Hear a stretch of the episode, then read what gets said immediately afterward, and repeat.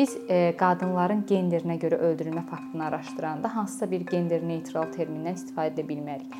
Əgər hansısa bir gender neytral termindən istifadə etsək, bu o deməkdir ki, biz ümumiyyətlə bu problemi problem olaraq qəbul etmirik və mövcudluğunu inkar edirik.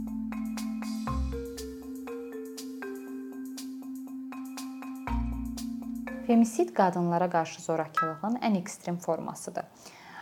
Bu qadınların məhz onların genderinə görə öldürülmələrini nəzərdə tutan termindir.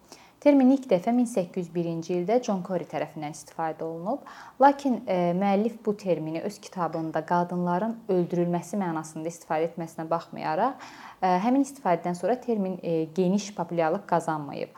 İlk dəfə isə Diana Russellin çıxışından sonra artıq tədqiqatçılar bu termini bugünkü başa düşdüyümüz mənada qəbul edib və bu haqqda araşdırmalara başlayıblar. Diana Russell və digər ümumiyyətlə femsid hadisələrini araşdıran tədqiqatçılar bu terminin əhəmiyyətini ona görə vurğulayır ki, biz e, qadınların genderinə görə öldürülmə faktını araşdıranda hansısa bir gender neytral termindən istifadə edə bilmərik. Əgər hansısa bir gender neytral termindən istifadə etsək, bu o deməkdir ki, biz ümumiyyətlə bu problemi problem olaraq qəbul etmirik və mövcudluğunu inkar edirik problem olaraq qəbul etmək üçün, onu araşdırmaq üçün adlandırma olduqca əhəmiyyətlidir. Bu adlandırmadan sonra artıq e, bu öldürmə faktının arxasında gender səbəbinin yatdığını qəbul etdikdən sonra e, bununla bağlı tədqiqatlar başlayır və e, həll yolları təklif olunur. Bu həll yollarını əsasən risk faktorlarını müəyyənləşdirərək və baş verən femisid hallarını araşdıraraq təyin edirlər. Məsələn, risk faktorlarını müəyyənləşdirmək dedikdə nə nəzərdə tutulur? Hər bir ölkə üçün bu dəyişir əslində. E, bu mədəniyyətə görə dəyişir, e, cəmiyyətin yanaşmasına görə dəyişir və e, biz hər bir ölkəyə müvafiq tədqiqatçıların risk faktorları müəyyənləşdiyini görə bilirik. Digər hal isə ölüm hallarının araşdırılmasıdır. Bu da əslində həmin ölüm halının hansı kontekstdə baş verdiyi, onu gətirən səbəblərin nələr olduğunu araşdırmaqdır və bu araşdırmalarla artıq qabaqlayıcı tədbirlər almaq asanlaşır. Yəni belə ki, risk faktorları müəyyənləşəndən sonra e, yarana biləcək ilkin siqnallarla artıq müdaxilə etmək mümkün olur və hadisə baş vermədən onu önləmək mümkün olur. Risk faktorlarını bəs necə müəyyənləşdirirlər? Bunun ən uğurlu modeli ekoloji yanaşma modeli hesab olunur. Hansı ki bu model 90-cı illərin sonlarında yaransa da, bu gün də çox geniş tətbiq olunur. Ekoloji model nəyi təklif edir? O təklif edir ki, biz risk faktorlarını müəyyənləşdirəndə bir neçə səviyyədə buna baxmalıyıq. Çünki femisid özlüyündə kompleks hadisədir və bunun səbəbləri müxtəlif səbəblərin əslində bir-biri ilə qarşılıqlı əlaqəsindən yaranır. Məsələn, e, Cənubi Afrika modelini götürə bilərik, hansı ki, onlar da ekoloji yanaşmanı tətbiq ediblər. Burada fərdi səviyyədə, ictimai səviyyədə, sosial səviyyədə, münasibətlər səviyyəsində və institusional səviyyədə yanaşma e, nəzərə alınıb. Bunlar nə deməkdir? Məsələn, fərdi səviyyədə yanaşma dedikdə biz həm zorakının, həm zərər çəkənin hansı yaş qrupuna aid olduğu, onların təhsil səviyyəsi, bunları e, nəzərə ala bilərik. E, ictimai səviyyə dedikdə cəmiyyətin zorakılığa münasibəti, e, məsələn, zərər çəkənin daha çox qınanılması, sosial səviyyə dedikdə rifah məsələləri, cəmiyyətin cəmiyyətdəki kasıblıq dərəcəsi, məsələn, institusional səviyyədə isə ölkədə nə qədər gender responsiv siyasətin mövcud olması, e, məsələn, sığınacaq yetərli sayda sığınacaqların mövcud olub olmaması, münasibətlər səviyyəsi isə əslində zorakı ilə zərər çəkənin münasibətləri, məsələn, daha əvvəllər e, zorakılığa müraciət olunubmu bu münasibətlərdə yoxsa yox. Yəni bu sadaladığım hər birinə aid bir nümunədir və bunlar müxtəlif sayda ola bilər və e, ölkəyə görə dediyim kimi dəyişə bilər. Biz əslində uğurlu nümunələrdən danışsaq, bu modeli tətbiq edən bir çox ölkələr var və bəzilərində kifayət qədər uğur da əldə olunub, hansı ki, femsid hadisələrinin sayı xüsusi araşdırma ediləndən, bu modellər tətbiq olunandan sonra azalmaya gedib. Bunlardan nümunə götürsək, Latın Amerikası ölkələrini nümunə göstərə bilərik.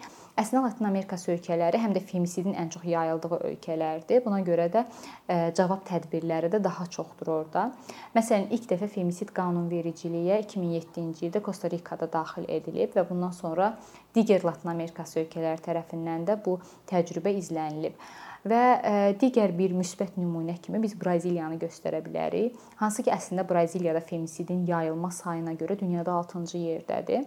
Amma buna cavab olaraq onlar femisidlə bağlı qanunlar qəbul edib, mübarizə strategiyaları formalaşdırıb. Orda bir maraqlı mübarizə strategiyasından biri də məsələn onların Maria de Penha adlı bir qanunu mövcuddur və bu qanun bir qadının şərəfinə adlandırılıb. Hansı ki, bu qadın əri tərəfindən güllələnir və təsadüf nəticəsində həyatda qalır.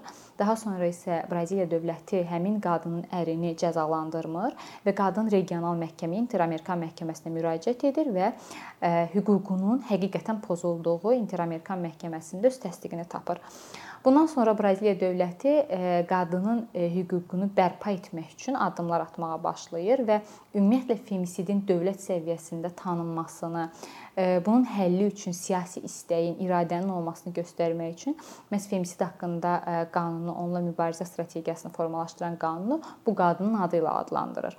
Və qanunun tətbiqindən sonra bir neçə il sonra artıq Braziliya hökuməti saylarla göstərir ki, həqiqətən femisidin sayında azalmalar müşahidə olunur. Əslində bu nümunələr bizə biraz uzaq ölkələr olduğuna görə bəlkə də mədəniyyət fərqi mövcuddur, yanaşmalar fərqlidir. Ona görə də daha yaxın ölkələrlə müqayisə etsək, hansı ki bizə dil, mədəniyyət olaraq daha yaxındır. Məsələn, Türkiyəni götürə bilərik və Türkiyədə əslində dil faktoruna görə Azərbaycanda məhz Türkiyədəki femisid hadisələri daha çox öyrənilir. Çünki insanların bu haqqda məlumat almağı daha asandır və şəxsi müşahidələrimə əsasən bunu deyə bilərəm ki, insanlarda belə bir fikir formalaşır ki, Türkiyədə qadın qətilləri Azərbaycandakından daha çoxdur. Hansı ki biz Türkiyədə və Azərbaycanda müstəqil qurumların öz monitorinqlər əsasına topladığı rəqəmlərlə müqayisə aparsaq, məsələn 2021-ci ildə Türkiyədə baş verən qadın qətillərinin sayı hər 1 milyon nəfərə 5-dirsə, Azərbaycanda bu rəqəm 2021-ci il üçün 1 milyon nəfərə 6-dır. Yəni demək olar ki, vəziyyət nəinki yəni Türkiyə ilə müqayisədə yaxşıdır, aşağı-yuxarı eyni vəziyyətdir və Daha çox məsələ budur ki, Türkiyədə bu vətəndaş cəmiyyəti daha çox bu məsələləri qabardır və daha çox araşdırma aparılır. Buna görə də biz ordakı vəziyyəti daha kəskin formada görə bilirik, amma eyni hal Azərbaycanda baş vermir deyə elə düşünülür ki, Azərbaycanda say bunu tendensiya hesab eləyəcək qədər çox deyil. Lakin belə bir məqam da var ki, həm Azərbaycanda, həm Türkiyədə bu dediyim rəqəmlər müstəqil qurumların topladığı rəqəmlərdir. Amma dövlətin rəsmi statistikası biraz fərqlidir. Buna da səbəb əslində məsələn Azərbaycandan götürsək, biz dövlətin statistikanı necə apardığına dair dəqiq məlumatımız yoxdur.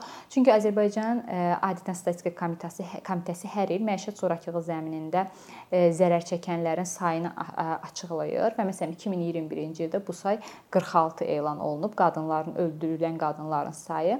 Lakin e, məhz femisid hadisələri dedikdə bu həm dar, həm geniş mənada götürülə bilər və biz tam olaraq əmin ola bilmirik ki, Azərbaycanda statistika komitəsi hansı qətilləri bura aid edir.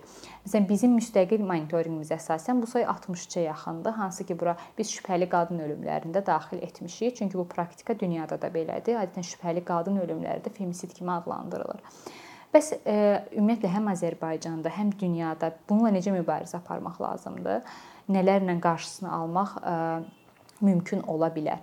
E, ilk öncə Braziliya nümunəsində göstərdiyim kimi dövlət e, bunu tanımalıdır, problem olaraq tanımalıdır. Buna siyasi istək göstərməlidir, iradə göstərməlidir ki, mən femisidi bir problem olaraq tanıyıram və bunun həlli üçün mübarizə strategiyaları formalaşdırıram.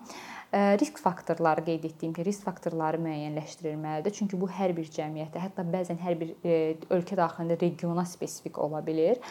Risk faktorları effektiv müəyyənləşdirilməlidir və onlara uyğun mübarizə formalaşdırılmalıdır. Baş verən ölüm halları effektiv araşdırılmalıdır. Buna əlavə hüquqi mexanizmlər yaradılmalıdır və sadəcə effektiv hüquqi mexanizmlər yaradılması, qanunların qəbul edilməsi yox, onların həqiqətən tətbiqi də əhəmiyyətlidir. Bundan əlavə isə dediyim kimi nifrət cinayəti olaraq qəbul edilməsi və bəzi hallarda qanunvericiliyə daxil edilməsi, məsələn qeyd etdiyim nümunədə uğurlu ola bilər.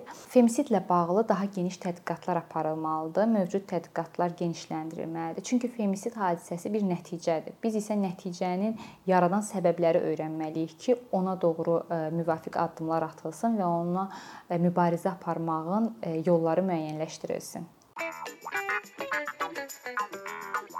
Bye.